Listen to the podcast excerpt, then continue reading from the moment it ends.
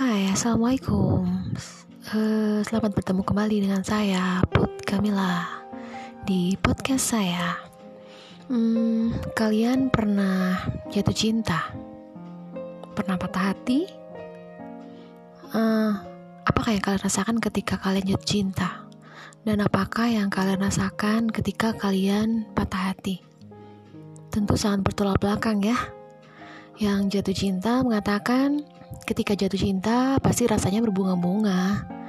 Dan yang patah hati akan mengatakan bahwasanya patah hati itu adalah sehancur-hancurnya dunia.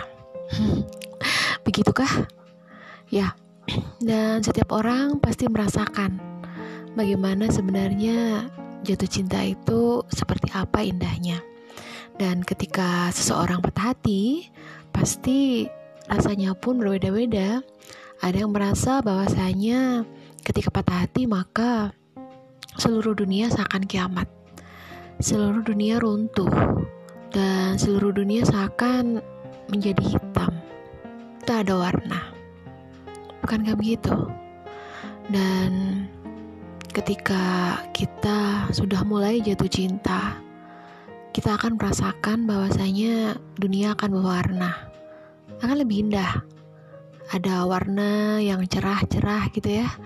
Ada warna-warna bunga. Ada warna-warna yang bikin mata jadi sejuk. Hati jadi senang dan bahkan perasaan akan menjadi tenang. Hmm, dan ada yang mengatakan bahwasanya jatuh cinta itu berjuta rasanya. Bukankah begitu? Dan yang patah hati akan merasakan bahwasanya kebalikan dari jatuh cinta. Sekarang saya akan membahas bagaimana sebenarnya orang yang patah hati. Orang yang patah hati itu sebenarnya bukan karena uh, dunia sudah tidak suka sama dia. Orang lain sudah tidak suka sama dia. Tapi sebenarnya orang patah hati itu adalah orang yang dipatahkan oleh angan-angannya sendiri dipatahkan oleh harapannya sendiri.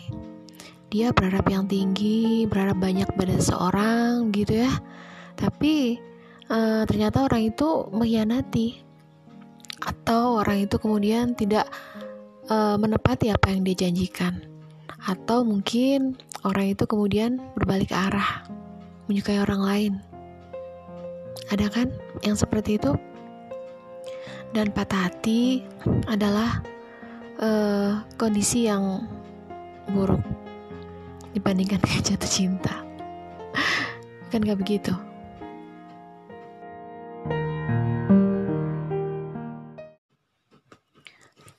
Patah hati adalah suatu kondisi di mana kita merasa uh, yang sehancur-hancurnya, merasa yang seburuk-buruknya. Tapi apa benar seperti itu? Sebenarnya patah hati itu ada baiknya. Baiknya apa? Baiknya adalah ketika kita patah hati, maka kita akan belajar. Kita akan belajar bagaimana seseorang itu udah mematahkan hati kita. Bagaimana kita kemudian membangun angan-angan yang tidak terlalu muluk pada seseorang. Dan belajar bagaimana rasanya sabar belajar bagaimana sebenarnya rasanya ikhlas. Patah hati tidak selalu buruk. Bahkan patah hati itu membuat kita kembali kepada Allah. Karena patah hati itu adalah bentuk kecintaan Allah buat kita. Membuat kita sadar bahwasanya tak pantas kita berharap pada manusia. Tak pantas juga kita berharap pada seseorang yang belum tentu sayang juga sama kita. Dan patah hati itu adalah suatu pelajaran terbesar dalam hidup. Bahwasanya tidak layak seseorang itu kemudian menggantungkan harapan, menggantungkan mimpi kepada orang lain, walau pada orang yang dicintainya.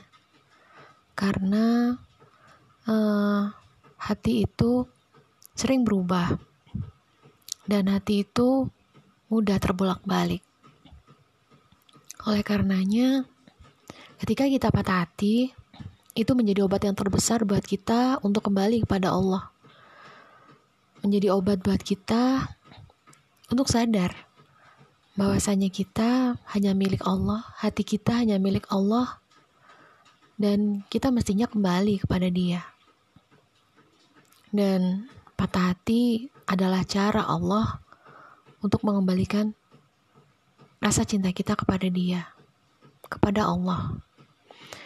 Karena mungkin ketika kita jatuh cinta pada seseorang, kita bisa saja lupa sama Allah, ya kan? Tapi ketika kita patah hati, kita merasa sedih, kita merasa sangat berduka, kita merasa sangat uh, sangat depresi begitu ya, ada juga yang seperti itu. Kita akan kembali kepada Allah dan akan sadar bahwasanya kita itu manusia dan Allah itu yang menciptakan kita. Dan kita pasti butuh Allah kita pasti butuh tempat bergantung dan itu bukan pada manusia, tapi pada Allah. Begitulah. Jika kita patah hati, maka bersyukurlah.